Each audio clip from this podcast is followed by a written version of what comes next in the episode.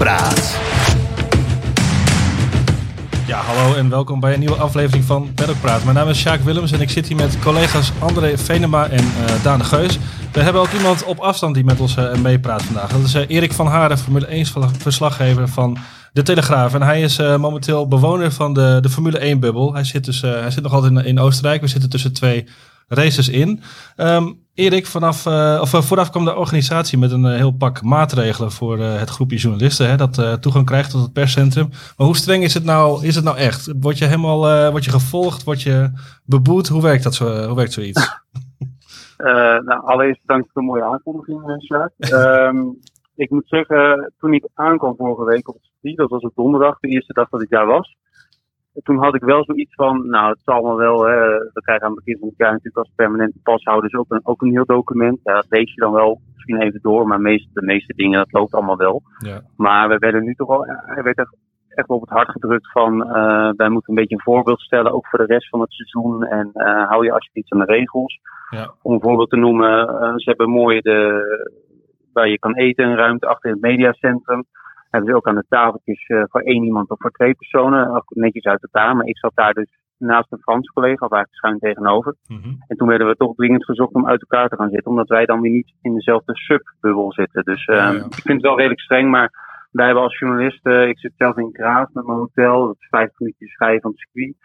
En uh, ja, ik word daar niet gevolgd dat ik hier de hele dag doe. Maar er wordt wel een beetje van je verwacht natuurlijk dat je wel uh, verantwoord met alles omgaat. Juist ook omdat in de rest van Oostenrijk, in ieder geval hier in Graas, je eigenlijk helemaal niks meer merkt van alle coronamaatregelen. Nee, nee, en dat is ook ja, wat je zegt, een stukje eigen verantwoordelijkheid. Als je positief getest wordt, dan lig je er ook gewoon uit natuurlijk. Dan, uh... Ja.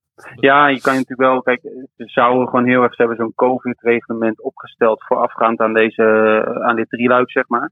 En je merkt dat ze zich daar gewoon heel erg aan houden. Uh, daar staat alles in. Bijvoorbeeld dat de coureurs een mondkapje op moeten bij de persconferentie. -huh. Ja, dan kun je natuurlijk over twisten. Is het overdreven? Want ze, iedereen is negatief getest. Uh, ze ja. zitten uit elkaar. Ja. En dan zie je maandag beelden van de, ja, van de Red Bull televisie, zeg maar. Die zijn ook op het mediacentrum met, met onder, onder andere Verstappen, Horner. Er zaten verschillende bubbels bij elkaar, volgens mij. Daar zaten verschillende bubbels bij elkaar. Er was wel afstand tussen, tussen, tussen hen, maar geen mondkapje op. Nee. En toen heb ik mij even gevraagd, ja, hoe zit dat dan? Ja. Maar ja, dan krijg je het antwoord, ja, persconferenties en zo, dat staat allemaal in dat COVID-reglement. Maar een, uh, ja, een opname voor de Red Bull TV ja, niet. Dat is toch eigenlijk ongelooflijk dat de Red Bull, de organisator, degene, de grote partij die dit allemaal wilde organiseren, dan op hun eigen tv-kanaal zo omspringt met uh, nou ja, regels die vooraf zijn afgesproken. Ja. ja. Ja, en je krijgt toch wel, je, ik krijg best wel veel reacties hoor. Misschien jullie ook wel van mensen die het toch heel raar vinden, ook met die, uh, met dat champagne spuiten en zo, uh, dat, dat de coureurs dan een mondkapje op hebben. Het is echt, uh, kijk, vrijdag was Jean Tot beschikbaar voor de, voor de aanwezige media hier, de VIA-president. Ja. En die zei ook wel van ja, wij zijn eigenlijk het eerste grote mondiale sportevenement dat weer van start gaan. Dus we voelen gewoon een enorme verantwoordelijkheid. Ja. En natuurlijk is het allemaal politiek gezeven, maar aan de ene kant, alleen ik snap het ook wel weer. Kijk, het mag gewoon niet misgaan, want dan is het hele seizoen misschien voorbij. Ja. Erik, jij zegt zelf ook van het, het is in zekere zin ook een beetje hè, raar natuurlijk allemaal. Ervaar je dat ook nog zo qua, qua werken? Want uh, wij hier op de redactie zitten dus buiten de bubbel en wij moeten dan uh, met coureurs bijvoorbeeld bellen met programma's als Zoom en Skype, noem het allemaal maar op. Maar jij ter plaatse, jij moet het ook op, op een alternatieve manier doen, toch? Ja, precies op dezelfde manier. Ik heb Max Verstappen vorige week donderdag wel even gezien toen we elkaar toevallig tegenkwamen en elkaar groeten. Uh, je kan een beetje dicht in de buurt van de pedal komen. Uh, dat, ja, dat is dus eigenlijk verboden terrein als je je moet laten testen op, het, uh, op corona. Ja. Want dat moet bij de, bij de support paddocks gebeuren, waar de Formule 2 en Formule 3 en de Porsche Supercup zitten. Maar ja, verder is het eigenlijk veel inderdaad die Skype-gesprekken. Alleen wat ze wel doen is, wat ik al zei, dat, in, dat die sessie met Jean Todt en er zijn wat sessies bij van de persconferentie, dat ze dan alleen de antwoorden laten zien in het perscentrum, dus voor de mensen ter plekke, bij vragen die wij hebben gesteld. Ja, ja. dat vind ik wel goed, dat ze ons nog een beetje, ja, zeg maar, iets extra's ja. geven. En natuurlijk zeker die eerste week was het voordeel natuurlijk ook dat, dat je daar bent en dat je hem kan beschrijven hoe alles gaat. Want het is natuurlijk wel heel uh, bijzonder om bij te zijn. Ja, want voor de mensen thuis, er zijn dus 22, 23 journalisten geloof ik echt maar in het perscentrum uh, toegelaten. Ja, ik, wat ik begreep 23 journalisten. Dus dat is naast dan uh, wij als Telegraaf zijn, er zijn het ja, wat Engelse kranten, uh, Duitse media, Franse media met name. Um, en er zijn 30 fotografen, meen ik. En ja, ook lang niet alle cameraploegen zijn er. Dat zijn volgens mij uit mijn hoofd 15 rechterhouders. Hm. Dus wat Ziggo in Nederland is. En daar zijn er volgens mij maar acht van. Die gaan ook een beetje op, uh, ja, op uh, roteerbasis. Want volgens mij Sky Italia is bijvoorbeeld ook niet. Nou, Ziggo is het dan niet. Um, maar wat Ziggo bijvoorbeeld, ik, ik heb best wel lang het idee gekregen, dat werd een beetje zo gebracht, dat ook tv eh, de rechterhouders niks kunnen doen. Maar dat is onzin, want de, de rechterhouders kunnen gewoon in het uh, welbekende vierkantje hun vraag stellen. Ja, op een andere manier dan normaal, maar ze kunnen gewoon een interview doen. Ja, ik zag Kai Ebel gewoon uh, hengelen. Uh. Ja, nee, daarom. Dus volgens mij kunnen ze dan niet op de grid. staan ze zeg maar aan het einde van de grid, of het begin, hoe je net wil zien, de coureurs op te wachten. Maar verder kunnen ze ja, heel veel dingen ook wel doen. Dus dat verbaast me wel, in, in een positieve zin, zeg maar. Ja. Ja, dus je zit daar met, nou, met z'n 23 in een perscentrum te grootte van een uh, voetbalveld ongeveer. Heel, heel gezellig lijkt me dat niet. Uh. Nee, nou ja, het scheelt dat jullie niet zijn, dat is nee. niet gezellig. maar, uh, dat is wel heel makkelijk, hè? Je kent me toch, André. wat, nou, je, ze bijvoorbeeld, nou, je moet wel even goed timen als je wat drinken wil pakken of als je Oh, even naar het toilet moet. Want je moet, ze hebben een loopgroep, dus je kan maar één richting op. Dus dan moet je er helemaal omheen. Oh, ja. En de tafeltjes zijn nu drie naast elkaar. Uh, er zit veel ruimte tussen. Uh, ja, op zich, we maken er wel het beste van. Er zijn best wel Ja. veel uh, goede collega's hier. En uh, het is allemaal zoals in Oostenrijk elk jaar. Het is natuurlijk wel echt top geregeld voor ons. Want het zijn natuurlijk lange dagen op het circuit. Mhm. En de hotels in de buurt zijn er niet, zijn er niet veel. Dus bijna iedereen zit nog een tijdje in de auto. Dan is het toch wel fijn dat er wat faciliteiten zijn. Oké, en tot, tot nog toe is er niemand positief getest, hè?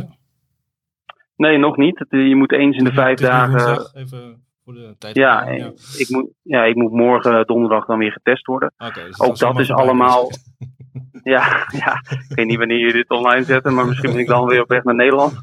Maar ja, ook dat is, het is ook een beetje ook weer eigen verantwoordelijkheid. Uh, ze houden dat wel netjes bij, maar het is niet zo dat ik op donderdag een melding krijg van je moet je nu laten testen. Nee. Dus als ik het vergeet, dan, uh, dan ben ik de Sjaak. Maar het is toch Ja. zo... Nou, de Sjaak is nu misschien een beetje Nee, gek nu, ja, maar ja, uh, ja. ja. Maar het is toch zo, uh, dat begreep ik tenminste van, uh, van Sander Doorsman van, uh, van MP Dat uh, als, je, uh, als je test, zeg maar, uh, die vijf dagen verlopen zijn, dat je pas automatisch gedeactiveerd wordt? Ja, dat zou kunnen, alleen ik heb mijn pas nergens voor nodig. Want uh, normaal hebben we poortjes waar je je pas tegenhoudt en hij gaat open. Ja. Alleen nu, uh, als je binnenkomt om, om het even te schetsen, wordt je temperatuur opgemeten. Maar ja, daar kijken ze wel naar of je je pas hebt. En ook als je naar boven loopt met het mediacentrum. Maar ik hoef die poortjes nu niet door. Dus uh, dat is, ja, er is niemand die dat... Daar zullen zij wel, uh, als je bijvoorbeeld naar de paddock gaat, heb je dat wel nodig. Maar wij hebben dat niet nodig. Dus het zou goed Oh. kunnen. Uh, Oké, alleen ik heb daar nog geen ervaring mee. Oké, oké. En eh, even in de categorie voor de luisteraars thuis. Jij zit nu dus nog in Oostenrijk, dus je bent er ook volgende week nog. En je gaat Ja. daarna ook nog naar Hongarije. Dus je bent in al die tussentijd ben jij gewoon eh, op pad, zullen we maar zeggen. Ja, je, je moest uh, in die bubbel blijven. Ja, je mocht, ik mocht wel terug naar Nederland. Volgens mij zijn er ook wel journalisten, begreep ik, die, die, die niet drie weken gaan volhouden. Die misschien naar de tweede in Oostenrijk weggaan. Uh, en dan, maar dan mag je dus niet meer terug. Je mag dan Ja. niet meer terug naar Hongarije. Nee, nee.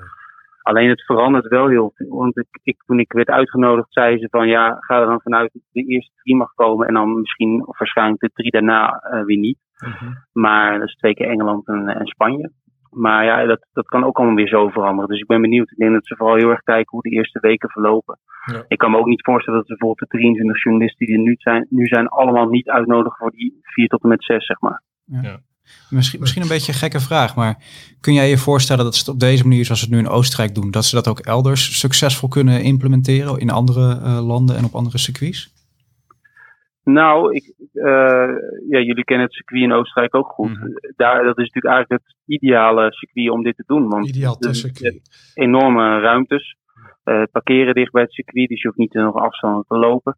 Maar bijvoorbeeld als ik dan Hongarije uh, bedenk, dat zijn natuurlijk hele smalle trappetjes. Hè, dat is volgens mij één trap.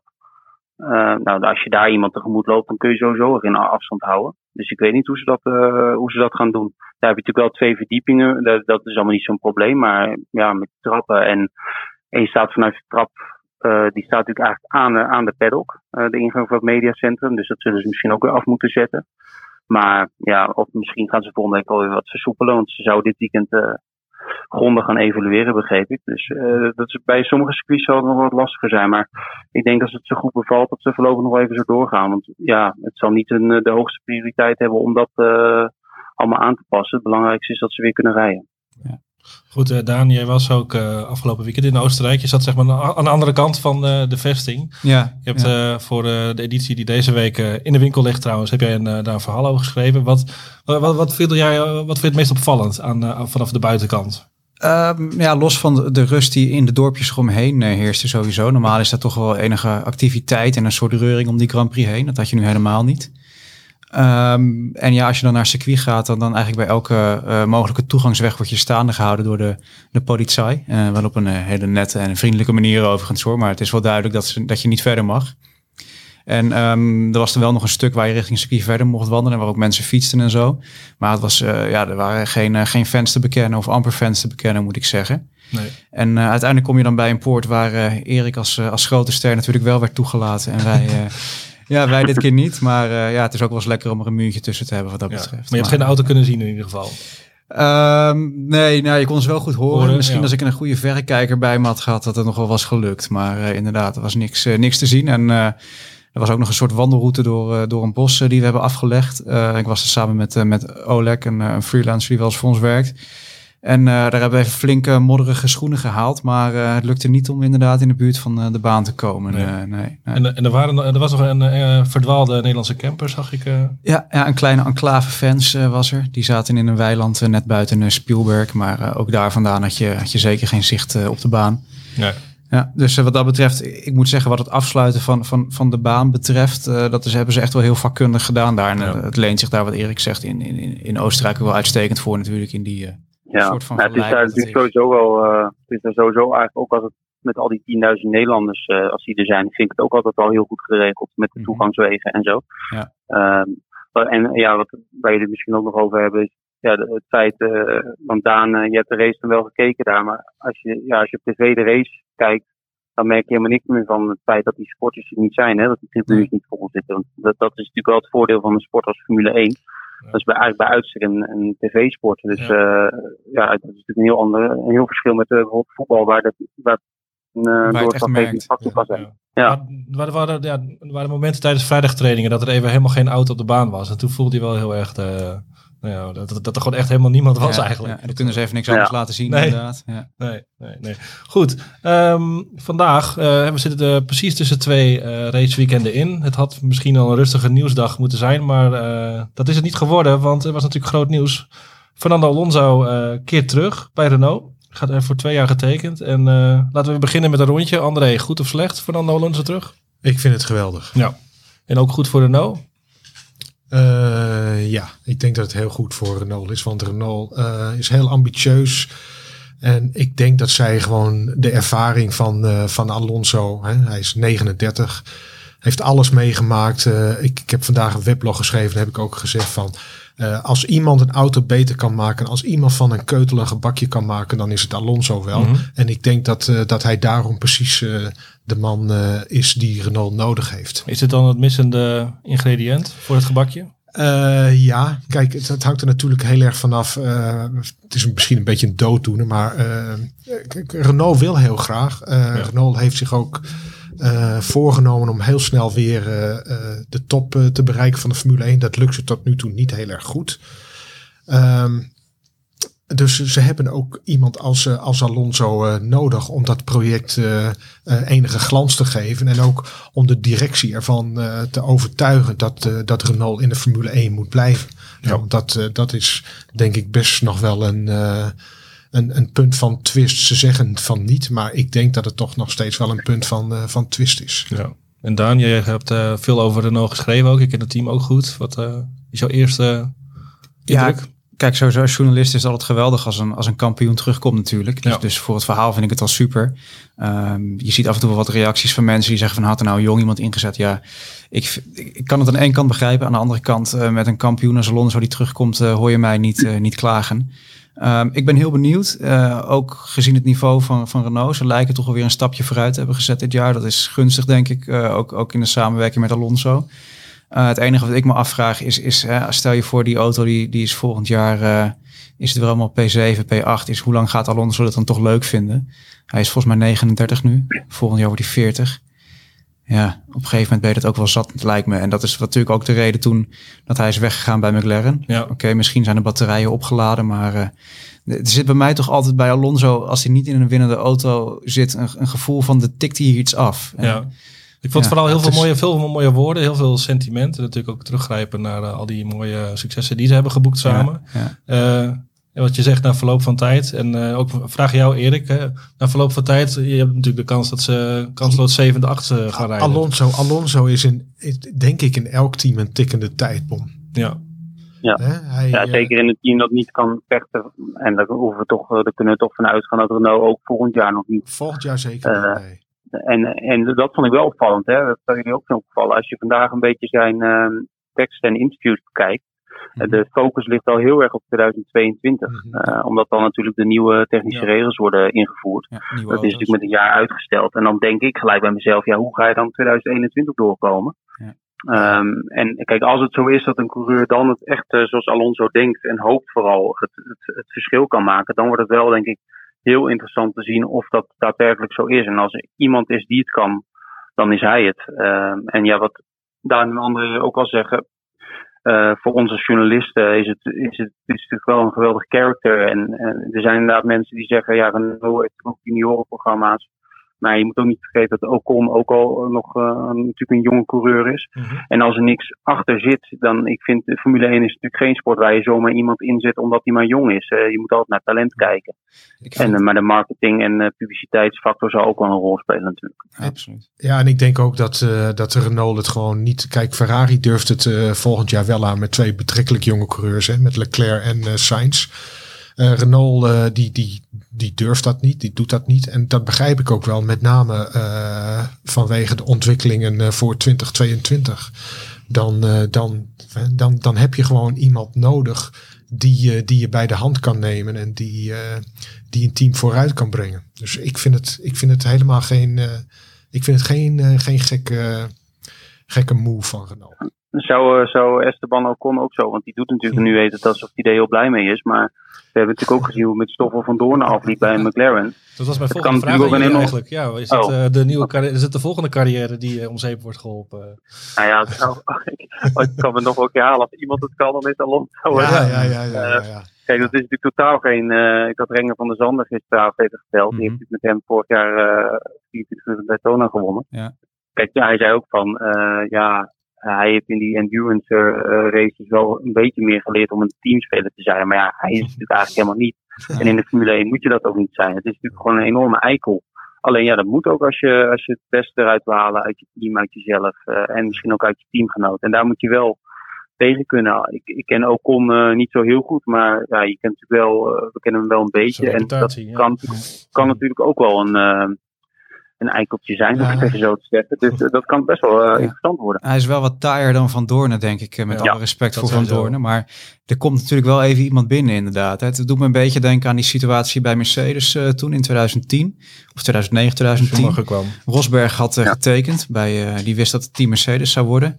En eh, dat zou groot gepresenteerd worden. En een paar weken daarvoor kwam in één keer hè, van... nou ja, Michael Schumacher komt bij het team.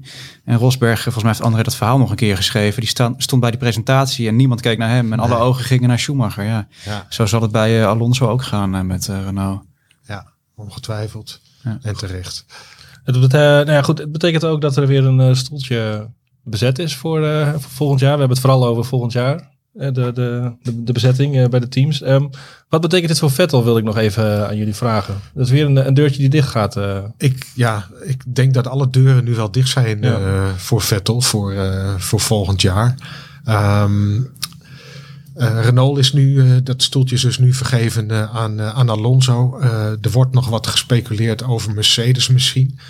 Maar ik heb, eh, ik heb afgelopen zondag op de Duitse RTL eh, de Ola Kalenius gezien. Dat is nu de topman. En eh, die liet er werkelijk geen enkel misverstand over bestaan dat, dat Mercedes voor, met, met Hamilton en, en Bottas verder gaat. En dat begrijp ik ook wel. Waarom, ik bedoel, waarom zouden ze daar in godsnaam mee, mee stoppen op dit moment? Bottas is een, is een coureur die races kan winnen. Hebben we afgelopen weekend weer gehad, gezien. Uh, is iemand die, uh, die een echte teamspeler is. Hè. Dat, dat bevestigt Hamilton uh, ook steeds weer. En, maar dat ook goed voor hem is natuurlijk. ja, precies. Ja. En, en Bottas is, is goed. Maar hij is ook weer niet zo goed dat hij Hamilton echt kan bedreigen, vind ik, in, het, in het kampioenschap. Met andere woorden, hij is de perfecte, hij is de perfecte wingman. Dus ik, ik begrijp ook wel dat Mercedes helemaal geen behoefte heeft om, om Vettel daar in één keer naast Hamilton te zetten. Nee. En dan Racing Point wordt, wordt nog wel eens genoemd.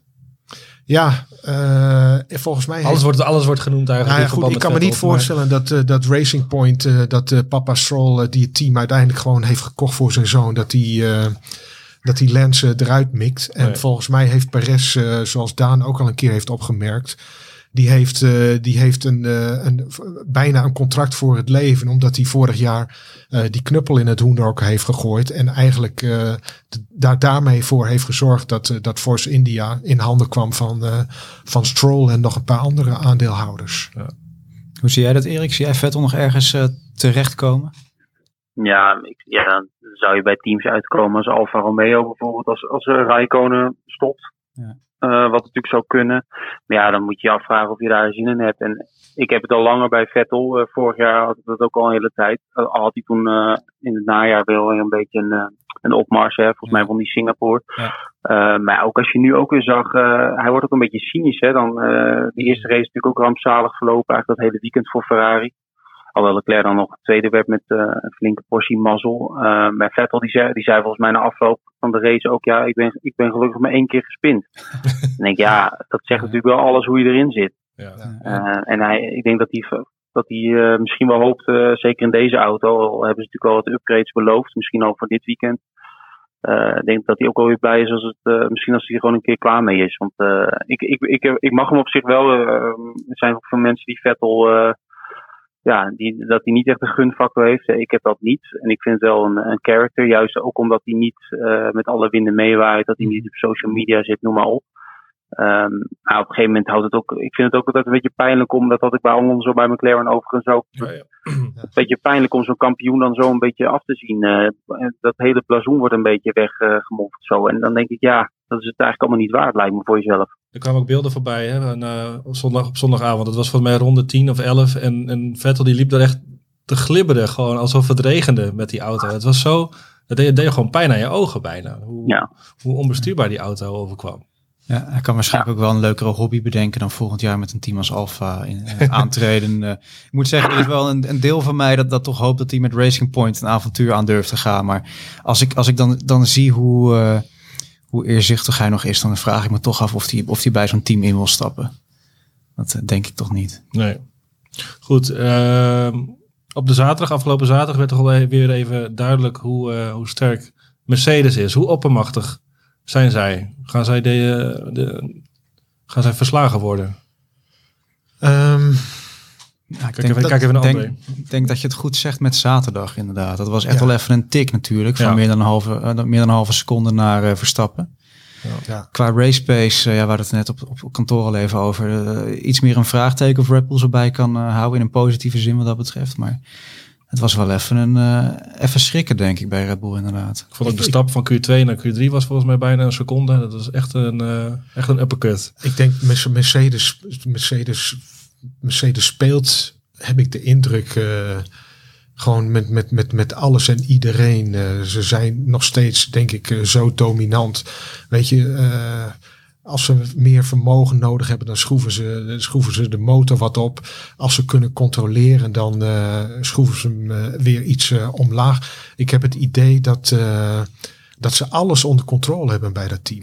Want geloven we die, die betrouwbaarheid, dat dat inderdaad een, een grote zorg is? Ik, ik, moet, ik, ik, ik, moet, het, ik moet het echt zien, weet je ik heb de indruk dat Mercedes soms uh, om, om de dominantie een, een, beetje te camoufleren voor het grote publiek wel eens wat, uh, wat, wat dingen roept om dingen spannender ma te, te maken dan ze in werkelijkheid uh, zijn. Hè, denk aan Hamilton, wat was het in Monaco met die banden. Ik kan hem niet meer achter me houden en jongens, jullie moeten wat doen. ja, en uiteindelijk weet je, uiteindelijk... ze winnen wel. Ja. Uiteindelijk vindt hij wel gewoon. Over de betrouwbaarheid ook in het hybride tijdperk is Mercedes gewoon met afstand de meest betrouwbare en snelste auto gebleken. Wat, wat voor uitvalbeurten hebben zij nou in zes jaar gehad? En nou zou het in één keer helemaal mis, uh, mis zijn. Omdat ze een paar keer over curbstones Omdat ze een paar keer over... Ja. Ik, ik, ik, ik, heb, ik heb echt twijfels. Ja, ja helemaal eens. Maar ik, ik, ik vind ook dat dat, ik vind het ook razend knap en dan moet je wel respect voor hebben dat een team zo lang ja, ja, uh, aan de top staat en, en ook blijft innoveren. Dat is eigenlijk nog wat knapste. Kijk, wie komt weer met zo'n DAS-systeem? Dat is toch weer Mercedes.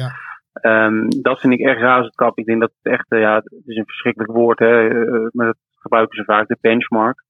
Um, maar dat, dat is echt zo, op alle fronten, buiten, te, buiten de baan, op de baan.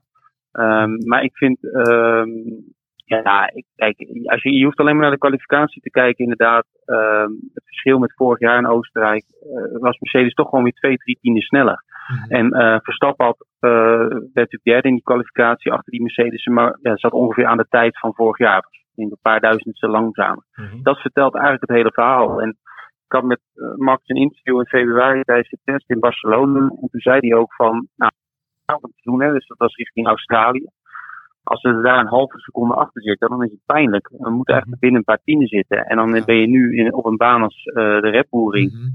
Ben je gewoon ruim een halve seconde langzamer. Ja, ik heb het hem ook toen uh, zaterdag gevraagd bij die, uh, bij die persconferentie in de afloop. Nou, hij reageerde redelijk geprikkeld op. Maar ja. je merkt ook in zijn quotes achteraf na de race en ook maandag bij die Red Bull TV dat hij, dat zich daar ook wel zorgen over maakt. En ja. dat, ja, daar heeft hij groot gelijk in. Ja, ik denk echt dat het een ik denk eh, wat je zegt, ze zijn er echt van geschrokken, denk ik hoor. Dat is een tegenvaller, absoluut.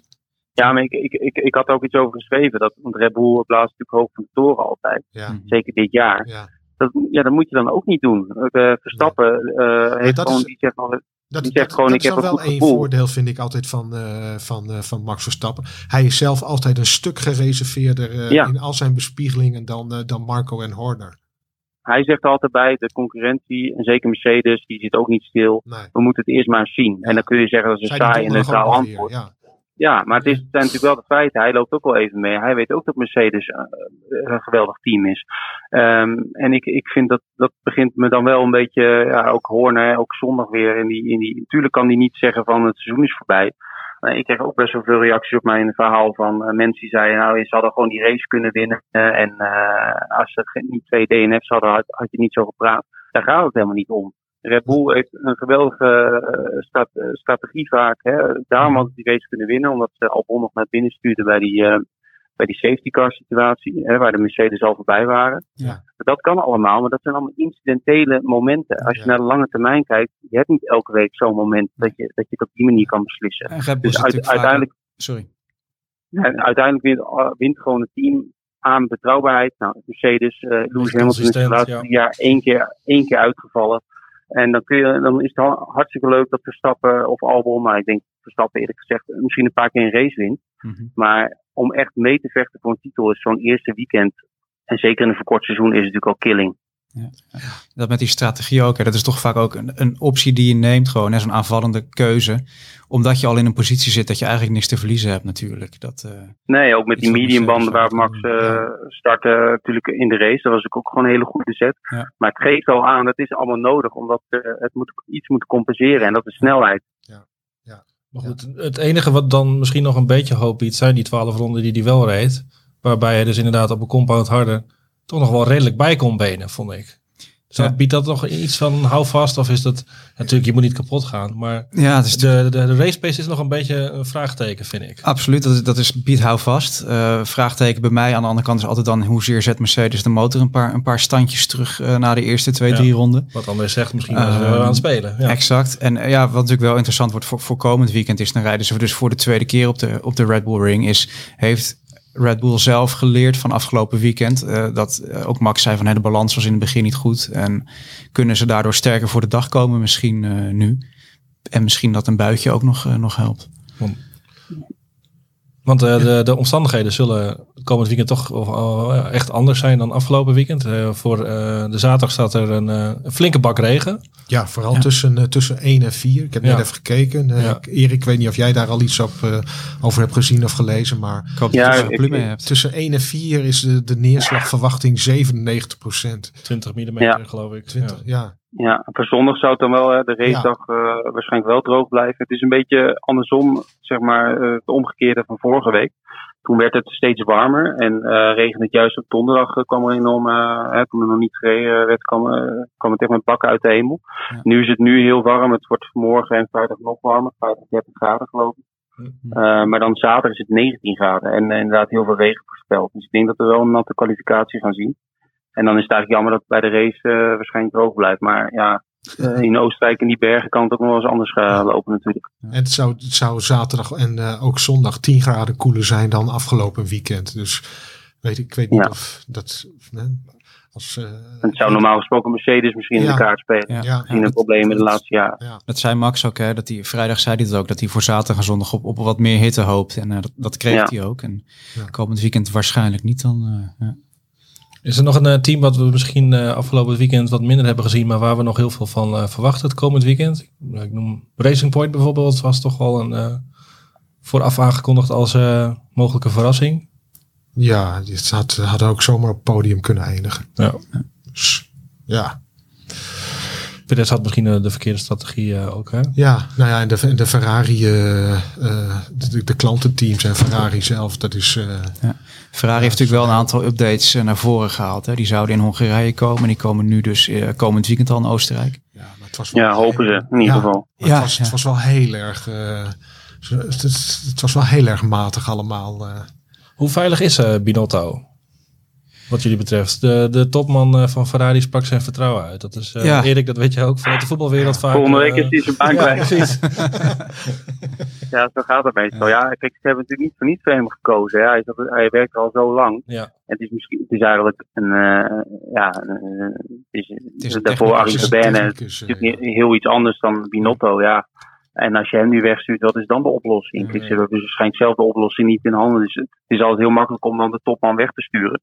Maar ja, Habib de Boel zit bij Renault ook al een paar jaar. eh daar wordt ook altijd over zijn positie eh, Ja. ja, geschreven, maar die zit er ook nog steeds. Ik heb een beetje, Dus is de, maar net eh, hoe, het, hoe het loopt. een beetje de indruk dat hoezeer het ook dringen is op de coureursmarkt. Met, met heel veel talenten die klaarstaan en maar niet op een zitje terechtkomen. Dat bij teambasis het een beetje omgekeerd. Er zijn volgens mij een aantal teams die best wel een vervanger zouden willen. Maar Dat die het is gewoon is. moeilijk om, om zo iemand te vinden inderdaad. Technisch onderlegd, Ja. maar ook een manager. Ja, exact. En dat is natuurlijk ook het nadeel met Binotto. Die, die was natuurlijk technisch directeur. Ja, misschien als je hem wegstuurt, verlies je wel enorme technische kwaliteit in dat team. En ja, daar ben je dan ook niet mee geholpen.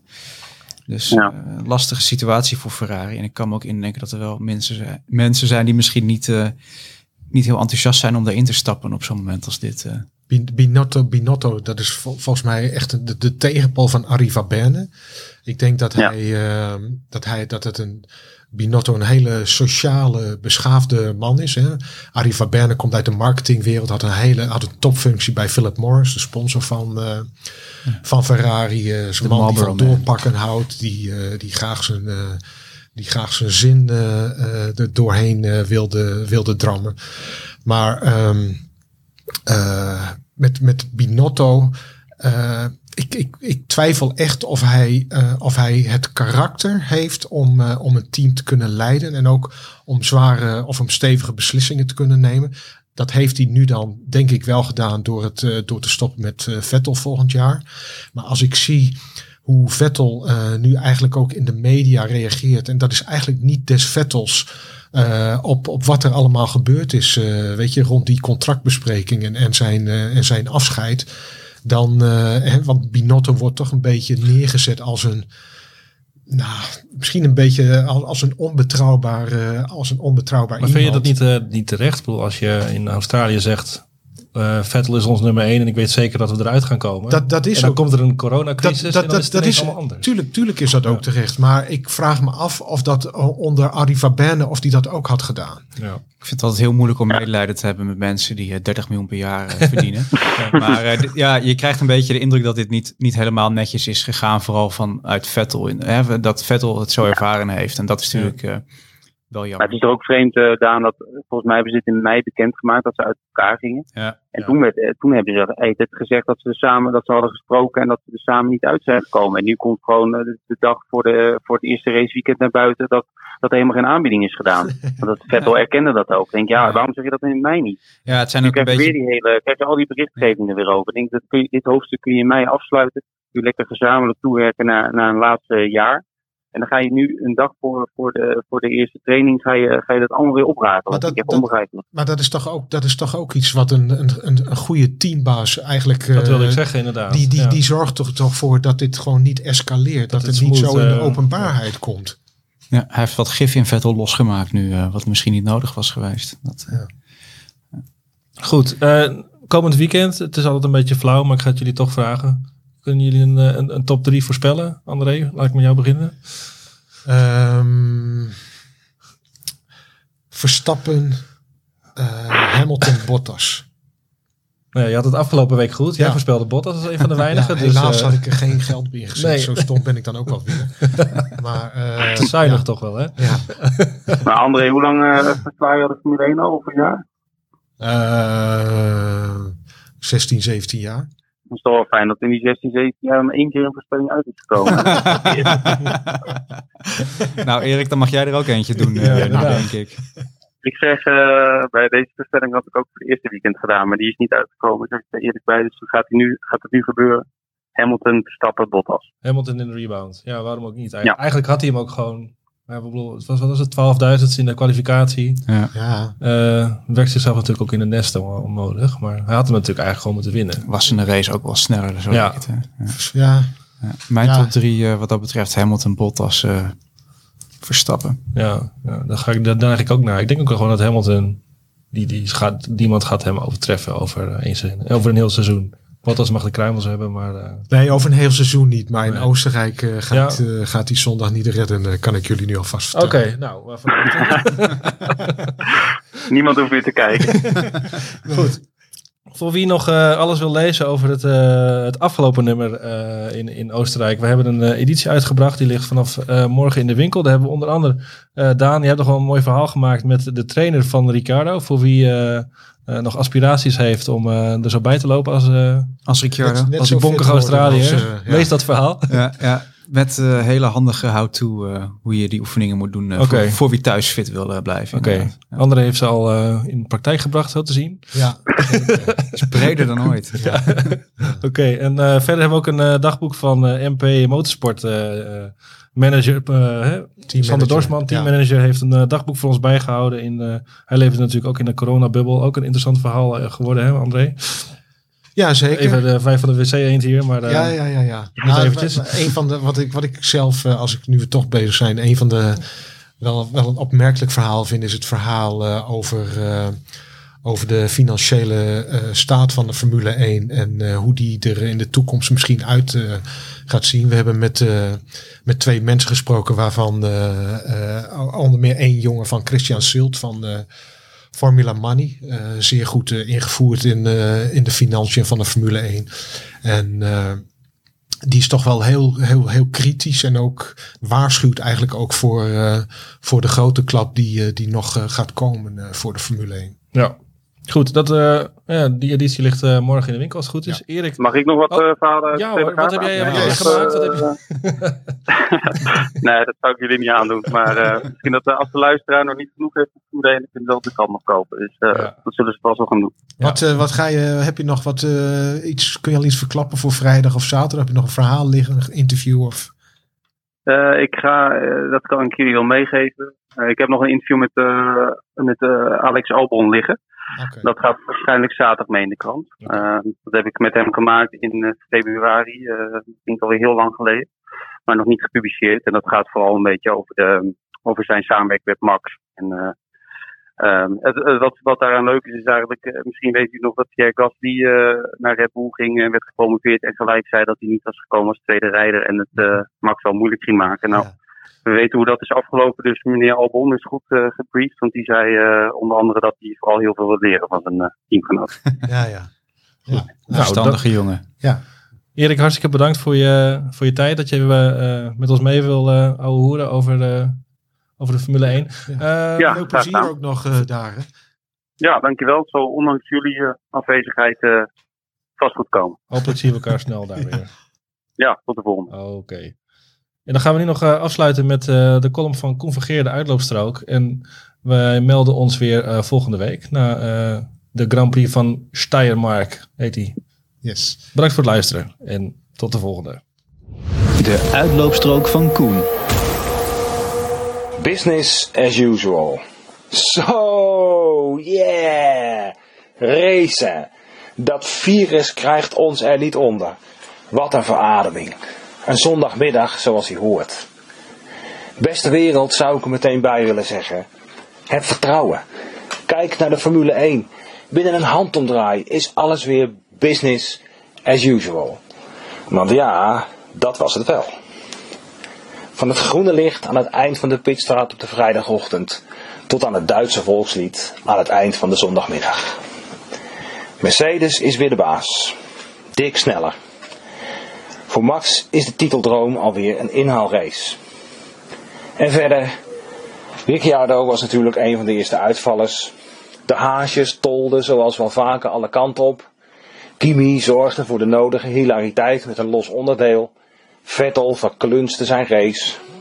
En Lando zat weer als een kind te gillen over de boordradio.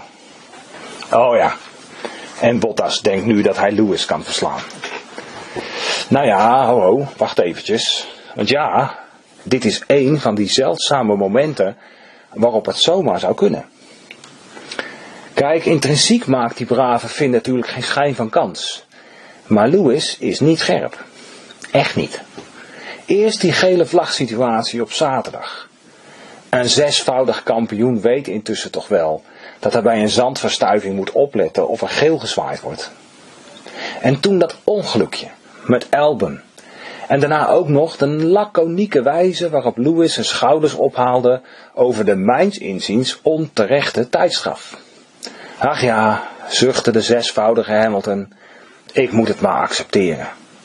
Ja zeg, zo ga je je zevende wereldtitel niet behalen natuurlijk. Maar Lewis heeft andere dingen aan zijn hoofd. Lewis is meer met BLM bezig dan met DRS. Dat mag.